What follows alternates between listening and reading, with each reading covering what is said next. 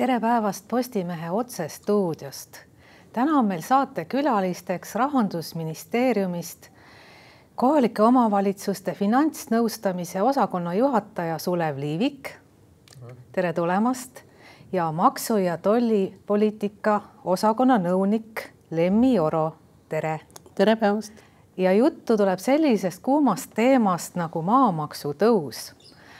et inimesed äh, on kuulnud, et maamaks tõuseb, aga kuna tõuseb, palju tõuseb, kuulda on, et maa väärtus on väga palju kasvanud ja see tekitab palju küsimusi. paljud inimesed pole senini üldse mõelnud, et Eestis on maamaks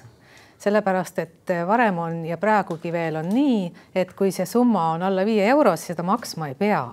aga kui nüüd äh, aastast kaks tuhat kakskümmend neli tulevad muudatused, siis hakkab see teema puudutama paljusid inimesi palun selgitage lühidalt, et millis, milles see muudatus seisneb, kui inimene pole sellest veel üldse kuulnud? jah, et siis toimus maade hindamine ja nagu te siis eile juba kuulda oli, et siis maade siis maksustamise hind kasvab kaheksa korda keskmiselt. Ja need muudatused siis jõustuvad siis kahekümne, kakskümmend neli aastal. Ja aga selleks, et see, see kasv ei oleks liiga kiire ja hüppeline, on siis ette nähtud mitmed kaitsemehhanismid esiteks siis, et oleme need maksimaalsed määrad toonud allapoole kaks pool kuni viis korda, see juba leevendab palju seda perspektiivset kasvu. Ja siis on ka aastane e, maamaksu kasvu piirang kümme protsenti võrreldes eelmise aastaga. aga et põhimõtteliselt on ju see niimoodi, et, et on need maksimumpiirid ja see aastane kasvupiirang, aga tegelikult otsustavad omavalitsused selle maksumäära. Ja neil on aega seda otsustada kuni siis kahekümne kolmanda aasta esimese juulini et, et ja see ei pruugi olla alati maksimaalne maksumäär, võib olla palju väiksem ja seetõttu siis ei pruugi üldsegi väga suurt maksukoormuse kasvu üldsegi tulla. kui, kui palju inimesi see maamaksu teema praegu puudutab ja kui palju neid võib puudutada siis ületuleval aastal? Kuskil kuussada seitseteist, seitsesada tuhat maamaksuteadet saadetakse, aga ma lisaksin natukene laiemalt siia, et kui me praegu nagu neid maamaksumäärasid vaatame, siis me oleme need maad jaotanud nagu kolme gruppi, et meil on siis elamumaa mille maksumäär on siis üks kuni null koma üks kuni null koma viis protsenti maa maksustamist hinnast ja sellepärast on elamumaal madalam maksumäär, et osa inimesi on omanikke, aga osa inimesi elavad üürikorteris ja põhimõtteliselt üürihinda tuleb ju ka maamaks, siis omanik peab selle ju ära maksma. Järgmine on siis veel maksupoliitiline soodustus on põllumajandus ja haritav ja looduslik rohumaa, et nende maksumäär on ka null koma viis protsenti maksimaalne. selles mõttes jälle seda sellepärast niimoodi, et põllumajandusmaa kui tootmissisend on oluline, et see ei läheks liiga kalliks, et kui sa siis toodad midagi, et sa suudad siis sellelt maalt toodetud toodangu ka ära müüa. ja siis on üleüldine maksumäär, mille maksimaalne määr on siis üks koma null on siis ärimaa ja tööstusmaa ja sellised maad, et kolm sellist gruppi on siis praegu erinevate määradega, et siis elamumaa ja põllumajandusmaa maksumäär on null koma viis, aga siis muidu üldine määr on siis üks koma null no viimane maa korraline hindamine enne selle aasta hindamist oli aastal kaks tuhat üks ehk siis kakskümmend üks aastat tagasi, et sellest ajast alates siis inimesed on maksnud väga väikest maamaksu. no näiteks äh, kuus eurot. et kui, et kui palju see inimene hakkab nüüd maksma, kui tema maa väärtus on näiteks tõusnud äh, sajale tuhandele no sest kõigepealt saab siis, eks ole, kui kuus eurot, siis saab aastas viis eurot kasvada ja ta siis põhimõtteliselt siis ju kasvab nii kaua, kui see maksustamishind korda maksumäär jõuab see tegeliku maksuni välja. et olevat, mis siis kahest tegurist on ju, see võib olla siis kaks või kolm aastat, võib see üleminekuaeg olla pikem, eks see sõltub siis, mis määras omavalitsus sinna lõpus kehtestas on ju. Ja tahtsin veel juurde öelda, et kohalik omavalitsus kehtestab kolm määra. Ja kus juttu oli, et kolm ka eraldi piirmäärad, aga kolm määra kehtestab ka ühe elamumaale, ühe maatulundusmaale, ühele äri- ja tootmismaale, kolm määra saab tulevikus olema omavalitsuse poolt kas ma saan õigesti aru, et kuna paljudel inimestel on nende kinnisvara väärtus tõusnud mitukümmend korda, et isegi siis, kui kohalik omavalitsus kasutab võimalust ja kehtestab miinimummäära ehk siis null koma üks protsenti siis maa maksustamishinnast, siis ikkagi see kümme protsenti rohkem tuleb maksta? Selles eelmise aasta suhtes käib see võrdlus, et kui ta saab selle koormuse allapoole näiteks on ju, et ta, kui see uus maksustamishind, maksumäär on väiksem kui, e-, kui viimane aasta, näiteks kaks tuhat kolm aastast on ta väiksem, siis ei tule mitte midagi, siis ongi see väiksem number. sellisel juhul, kui see, see tõus on suur näiteks kolmkümmend protsenti, viiskümmend protsenti võrreldes praegusega oleks maamaks suurem, siis hakkab see kümne, kümne protsendi kaupa niimoodi tõusma, eks ju ehk selles mõttes, kui me vaatame, et kui palju ma siis maamaksu maksan kahe tuhande kahekümne kolmanda aasta eest, et näiteks oli siis sada eurot minu maamaks, siis eh, kui näiteks nüüd maksustamishinna aluselt arvutatud maamaks, ütleme, on mul kakssada eurot, siis tegelikult minu käest saab siis võtta ainult sada kümme eurot, et selline oleks siis nagu näide, et, et siis ainult kümme protsenti saab siis tõusta.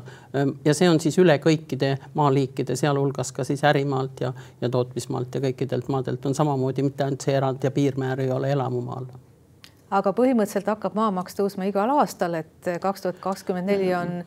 sada kümme, kaks tuhat kakskümmend viis on juba sada kakskümmend üks ja niikaua, kuni siis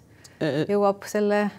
seda me ei saa siin kumbki öelda, sellepärast et mhm. see sõltub eh, kohalike omavalitsuse volikogudest. Ja kui me nüüd nagu vaatame, et kui suur proportsioon kohalike eelarve tulust on maamaksul, siis kui me vaatame Tallinnat, Tartut, võib-olla ka Pärnut, Tallinna ümber olevat kuldset ringi, siis nende maamaksu osakaal üldeelarvest on eh, väga väike, aga kui me läheme nagu kaugemale, siis võib olla, et inimesi, kes siis äh, tööeas on ja kes, kellelt siis pealt siis üksikisiku tulumaks makstakse, nendel moodustab siis maamaks jälle nagu olulisema osa, et, et kõik sõltub ju sellest, kuidas siis kohalik volikogu otsustab, kui vajalikuks ta peab siis seda maamaksu tulu oma kohalike omavalitsuse ülesannete täitmiseks. et noh, näiteks noh, niimoodi võib öelda, et võib-olla inimene ütleb küll, et noh, et kõige parem maks on see, mida naabrimees maksab, nalja teha niimoodi. aga et eh, ma ei oska väga öelda, võib-olla Sulev teab paremini, aga ma ei oska väga öelda, et oleks palju omavalitsusi, kes seda maamaksu eh, laekunud tulu ei kasutaks teede ehituseks, talvel lume lükkamiseks ja kui mul on elamumaa või elamu kuskil keskasulast väljas, siis on ju väga hea, kui talvel lumi õigel ajal ära lükatakse, et, et siin noh, noh, nagu on öeldud, et see läheb nagu musta mutiauku, noh, et ei lähe mutiauku, et see läheb kõik avalike teenuste finantseerimiseks ehk konkreetselt siis teede ehituseks, lume lükkamiseks ja, ja noh, mida iganes kohalik omavalitsus oma elanikele siis pakub. Ma olen rääkinud mitmete põllumeestega, kes vastupidiselt teie kogemusele on hoopis rõõmustanud, et maamaks tõuseb et endal tuleb võib-olla natuke maksta, aga raha läheb kohaliku omavalitsuse eelarvesse. mõned siin arvutasid, kes saab lasteaia lõpuni ehitada, puuduolev summa tuleb kokku,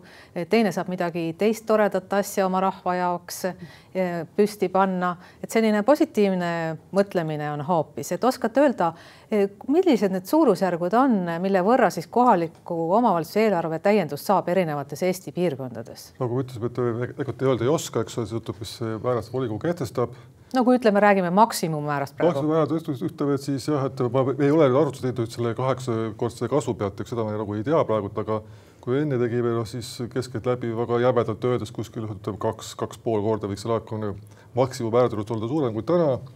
et täna siis laekub omavalitsusele kuskil kuuskümmend miljonit, noh siis vastavalt sellele võib arvutada, kui palju see maksimaalselt olla võiks, aga veel kord kordame üle, et, et see on ainult teoreetiline arvutus, et praktikat me veel ei tea ja noh, väga-väga praegu vaat-, kui vaadata seda tagasisidet, mida KOV-id on andnud, siis noh, küll keegi pole öelnud, et tal nüüd maksimummäärade peale välja läheb, on ju. et tõenäoliselt on see ikkagi palju väiksem ja kakskümmend neli ei saagi see ka tulla kahe ja poole korda, saab ainult olla kümme protsenti otsa, ehk siis kuus miljonit üldse maksimaalselt otsa saabki tulla, kakskümmend neli, eks ju mis need argumendid on olnud, et miks kohalik omavalitsus tahab kindlasti seda maamaksumäära vähendada, et samas ju kui äh, iga inimene maksab natukene, aga omavalitsus saab suure summa, saab ju kohaliku elu edendamiseks päris palju ära teha. et mm. mida need omavalitsused kardavad, mis nad on teile rääkinud? valijaid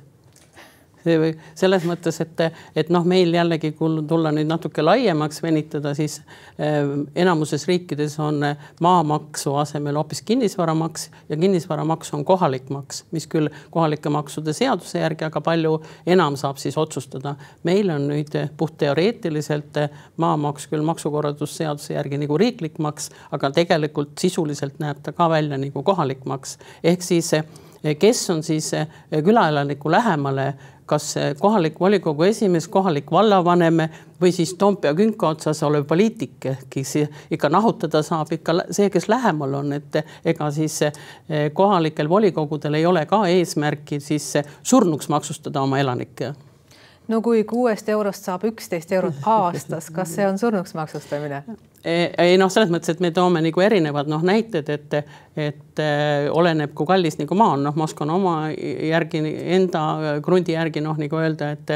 et mul on tuhat ruutu kohalikus omavalitsuses, ma maksan praegu üle saja, eks ole, see kümme eurot, mis siis nagu juurde tuleb, see ei löö nagu kedagi maha, aga teisest küljest on ju poliitikud teinud ju jääb mm, jälle teistsuguse otsuse, et, et kui me maksuseadusest tahaks nagu eelarvesse raha saada ja maksustada, siis meil on ju suures hunnikus maksusoodustusi ehk see kodualuse maamaksusoodustus eh, siin Sulevi osakonna arvutuste järgi on kakskümmend miljonit miinust kohalikele omavalitsustele. et nii on noh, nagu otsustatud ja kui veel edasi rääkida, siis eh, sellist soodustust sellisel viisil antud soodustust eh,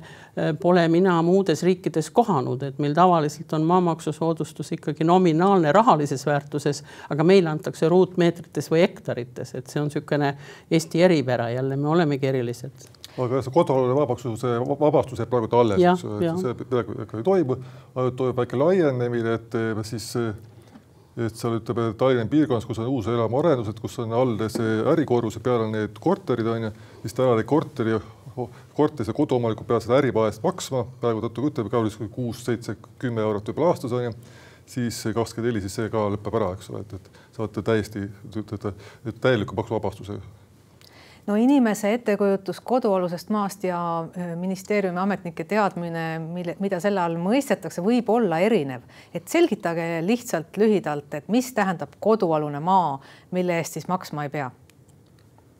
noh, põhimõtteliselt see tähendab siis eh, nagu kahte asja, et, et see eh, kinnistu on minu oma ja minu rahvastikuregistri järgne elukoht on samas kohas, et see on siis nagu minu kodu. Et noh, formaalselt me ju teame, et inimesi elab, elab mujal, ei ela konkreetselt sealt, aga et oleks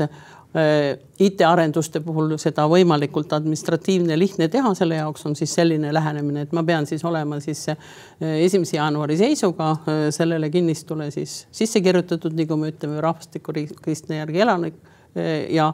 peab olema ka minu omandis see, et sel juhul loetakse see minu koduks ja nüüd on siis, kui ma tiheasustusalal elan, siis on see maksimaalne tuhat viissada ruutmeetrit. kui ma hajaasustusalal elan ehk väljapool asulaid, siis on kuni kaks hektarit et kui ma elan maal talus, mul on ja. näiteks maja, kaks hektarit mm -hmm. aiamaad mm, -hmm. siis on veel kakskümmend hektarit metsa ja kakskümmend mm -hmm. põldu, siis ma saan vabastuse ikkagi kahe hektari ja. ulatuses ja see laienemine, seda te juba selgitasite. et äh, kelle jaoks, millise maaomanike grupi jaoks nüüd see maamaksu tõus ja need muudatused võivad, ütleme aastate pärast siiski problemaatiliseks kujuneda, et hea küll, aastad lähevad, aeg lendab kiiresti, alguses tõuseb küll kümme protsenti, aga aastad lähevad millist tüüpi maaomanike jaoks võib probleem tekkida? Äh, siin on, kui me vaatame neid kohalike omavalitsuse üldplaneeringuid, siis üldplaneeringutes on äh, tavaliselt nagu sätestatud, et äh, kui suur võib see minimaalne krundi suurus olla näiteks, eks ole, noh, et kui on varasemalt tahetud, et need krundid oleks suuremad, näiteks kaks tuhat viissada ruutmeetrit, eks ole, aga nüüd siis see, see maksusoodustus on piirandud tuhande viiesajale, et siis tuleb selle ülejäänud tuhande eest nagu maksta, eks ole, aga seda ka tihtilugu inimesed võib-olla ise ise pole soovinudki see, aga see on regulatsioon üldplaneeringus eelnenud. nüüd võib juhtuda selline olukord, et kui see eh, elamumaa määr tõstetakse null koma viieni, et see soodustuse sööb ära see tuhat ruutu, mis mul on üle ja summa summarum võiks normaalselt olla üldine ma madalam määr, ilma soodustuste võiks, võiks teoreetiliselt vähemalt isegi soodsam tulla. Et soovitate inimesel elada täpselt sellise suurusega krondil, mille eest ei pea. ma ei saa selliseid soovitusi teha, kuidas kellelgi on, et -hmm. et te veel küsisite, et kes need on, et, et noh, praegu on hästi nagu palju olnud juttu nendest siin Nõmmel või Meriväljal või eriti nagu Nõmme männide all, et seal on tihtilugu suuremad krundid kui tuhat viissada et Nõmme inimesed võivad arvestada, et neil tuleb päris palju maksta. no aga tihtilugu on need ka vanemad inimesed ja, ja lõppude lõpuks laekub see raha ju kohalikusse omavalitsusse, kui selle maksu tõttu tekib ajutine raskus, siis kohalik omavalitsus saab sotsiaaltoetust maksta ja sedasi tasandada seda. tegelikult tahaks juurde öelda, et see ikkagi see maksupoliitiline otsus ikkagi kohaliku omavalitsuse teha, eks ju et tema saab oma maksumääraga seda koormust sättida ühele või teisele poole, kui ta näeb, et kellelgi hakkab hinda sealt see koormus võib liiga suureks minema, siis ta saab alati määrasid niisugune allapoole tuua, kui ta tahab, eks ju. ja siis, kui üksik teema, siis üksikute teemade puhul peabki alati minema siis omavalitsuse abi küsima, tema kohustus siis abi anda omavalitsusele, inimesele, kui tõesti on objektiivsed põhjused, et ta ei tule oma eluga toime näiteks või ei ole võimeline kulusid katma, mis iganes, eks ju kas te olete teinud ka statistikat ministeeriumis, et äh, kui kopsakad maamaksud Eestis üldse on, et kõige suuremad maaomanikud, kõige kallima maaomanikud, et palju Eestis praegu maamaksu makstakse, ütleme no, nina kohta siis? no lihtsalt ega me täpselt ei tea, aga üks konkreetne näide on, et kellelgi on Kadriorus neli tuhat väidetavalt maamaks, et me ju neid maksuteateid niimoodi ei vaata, Maksuamet teab neid nagu palju paremini, et, et selline on üks juhtum nagu noh olnud, et kui sul on väga kallis maa ja väga suur krunt, et siis tulebki selline juhtum. mediaalsuurus oli, oli vist viiekümne euro kanti ja, ja siis nendele äh, põllumaadel äkki olid suurem natuke, seal vist kaheksakümne, saja euro kanti, metsamaad on kuskil kahekümne, kolmekümne euro kanti, et noh, see see mediaan, eks ju, võrdselt üle, võrdselt alla, eks ju, noh, kindlasti seal väga suurt, suuri ka võib-olla olla tuhandet, mitu tuhat eurot on ju, et aga, aga noh, ütleme keskmisele inimesele või keskmisele maaomanikule ta ei ole suur koormus igal juhul mitte. et isegi sul on lahmakas metsa, sa maksad praegu kolmkümmend eurot maamaksu, sa hakkad maksma siis kolmkümmend kolm eurot ei ole nagu üle jõu käinud. ja tegelikult isegi võib arvata sellist asja, kuna see maatulundusmaal on ühte määr metsal ja põllul ja nagu te teate Eestist, eks ole, põllumaa kakskümmend kaks korda kasvab, metsamaal vist viis korda enam kasvab mm., siis võib oletada, et metsaomaniku isegi see maksukoormus võib väheneda tulevikus ehk selles mõttes, et kui meil ka nüüd täna kehtiva seaduse puhul on eh, põllumajanduslik ja looduslik rohumaa eh, on soodusmääraga, aga metsamaa täna ei ole soodusmääraga, et metsamaa on nagu tavalise määraga. Eh, et siis, aga nüüd pandi nagu metsamaa ja põllumajandusmaa nagu kokku ja mõlemal on madaldatud määr null koma viis, nii et, et metsamaa omanik võiks pigem sellest muudatusest kasu saada. et see hirm on alusetu, kui suure metsaomanik arvab, et oi-oi, et nüüd läheb nii kalliks, äkki pean oma metsa maha müüma. seda ei tasu arvata. pigem küll jah e aga kui siit nagu ise küsida ja ise vastata, siis ega maamaks ongi veidi sellise loomuga, et et eh, ma ei peaks ahmima endale maid kokku, eh, vaid peaks nad viima tsiviilkäibesse ja kui ma olen noh, nii rikas ja ma võin endale seda lusti pidada, et ostan kõik ümber oma maja maad kokku ja, ja hoiangi nad sellisena seal. aga eh, kui ma ei ole, siis see maa peaks ikkagi mulle sisse tooma ja ta nagu tootmises või tsiviilkäibes nagu olema, et, et sel, see on ka üks nagu selle maamaksu mõttest no lisaks maamaksule tõusevad ka igasugu muud tasud, et näiteks inimesed hakkavad talumistasu palju rohkem saama, et kas selle kohta olete ka ministeeriumis arvutused teinud? no see oli rohkem ikka selle Keskkonnaministeeriumi teema ja et see talumistasu kindlasti kasvab, aga sellest sai ka määratamatult allapoole, seitse ja poole protsenti oli vist praegu, vist on võetud kolme peale et selles mõttes, et või kolme poole peale. kolme poole. kolme poole peale, et selles mõttes, et, et ta määras natuke alla, aga jah, seal hakkab kindlasti kordades rohkem nagu ikkagi seda talumistasu laekuma, aga seal oli ka väga keeruline nagu arutelu, et ühelt poolt, et elektri hinna alusel majas, kui makstakse talumistasu, siis see kajastub teiste inimeste elektri hinnas jälle, eks ju, et ja siis tuli ka see kompromiss, et leida, et oleks nagu muidugi omavalik tahaks rohkem saada, aga sellel on ka oma hind, eks ju. jah, sellepärast, et riigiettevõtte Elektrilevi tema jaotusvõrk ju paikneb ligikaudu kolmesaja üheksakümnel tuhandel kinnistul, et kas Rahandusministeerium on ka siis äh, välja arvutanud, et palju Elektrilevile siis nii-öelda koormust juurde tuleb? ma nüüd numbrit on... peast ei tea need numbrid, aga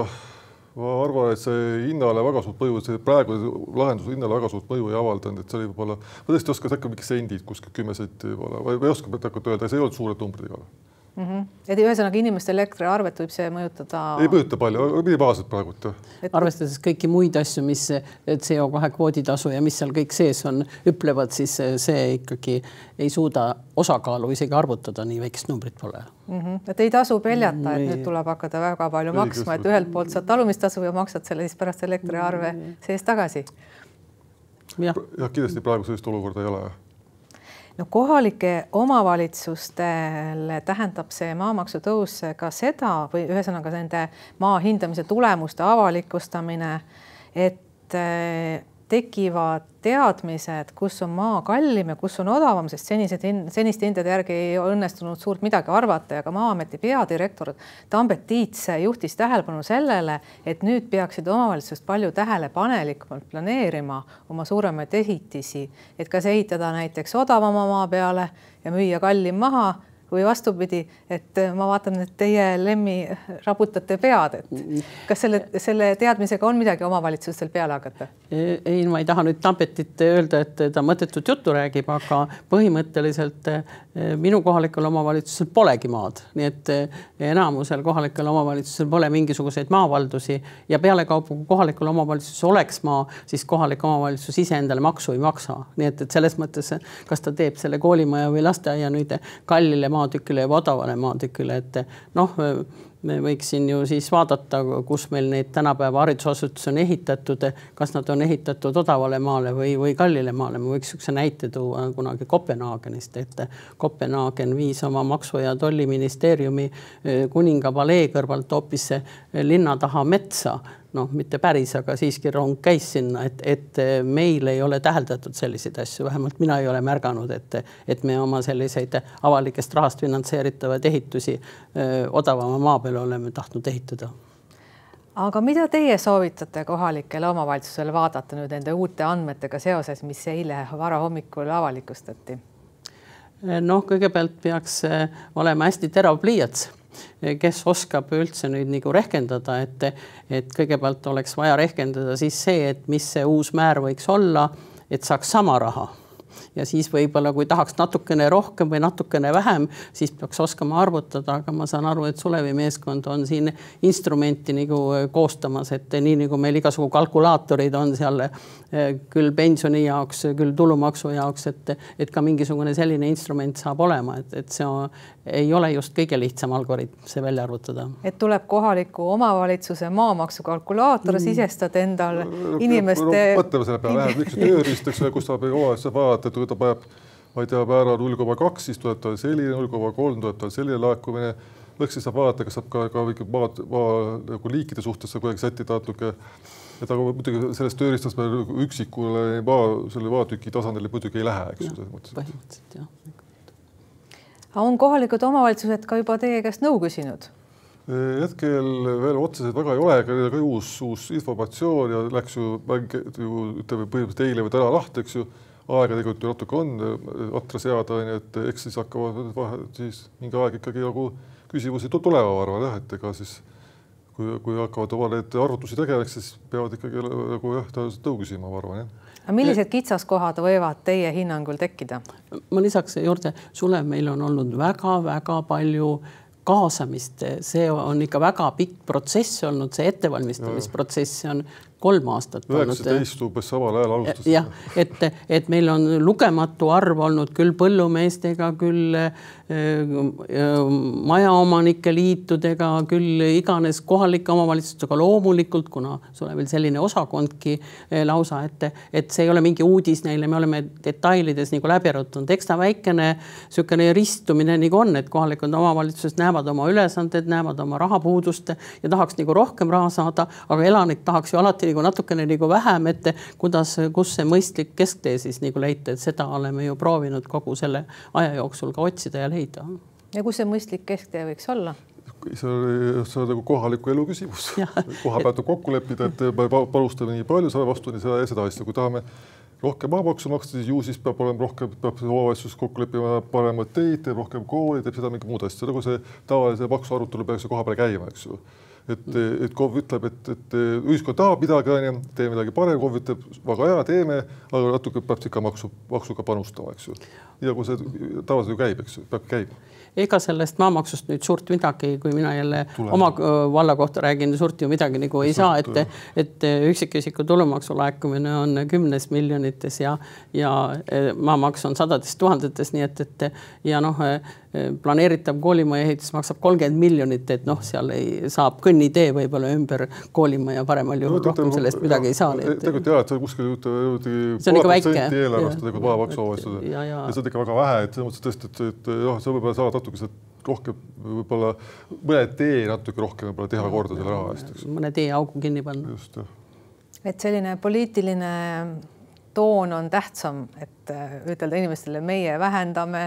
muudame protsenti väiksemaks, siis võib-olla meid valitakse tagasi, kui see raha, mis siis tuleks eelarvesse maamaksu tõusust. tundub teile praegu niimoodi?